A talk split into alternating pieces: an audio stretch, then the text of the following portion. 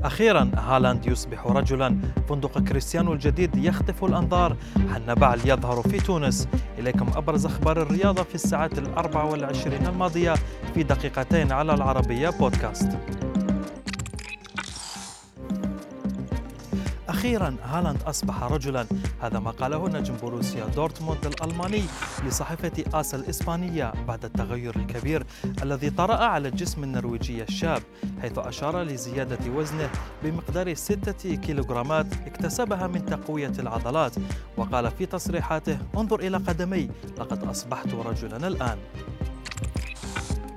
قدم كريستيانو رونالدو فندقه الجديد في العاصمة الإسبانية مدريد والذي ضمه لسلسلة فنادق الشهيرة بيستانا CR 7 وكلف بناء الفندق الجديد نحو 13 مليون يورو ويضم الفندق الواقع في, في وسط مدريد 186 غرفة مقسمة على عشرة طوابق وسيفتح أمام النزلاء في السابع من شهر يونيو الحالي.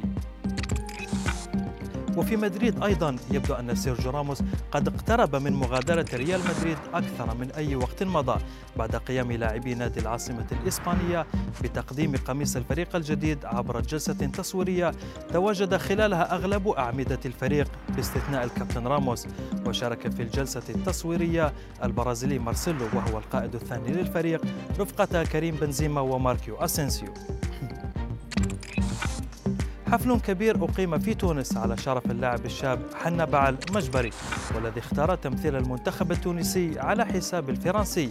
اسم اللاعب الشاب كان سببا في تقديمه عن طريق عرض تاريخي يرمز لمدينة قرطاج ويرمز أيضا لقائدها التاريخي حنا بعل.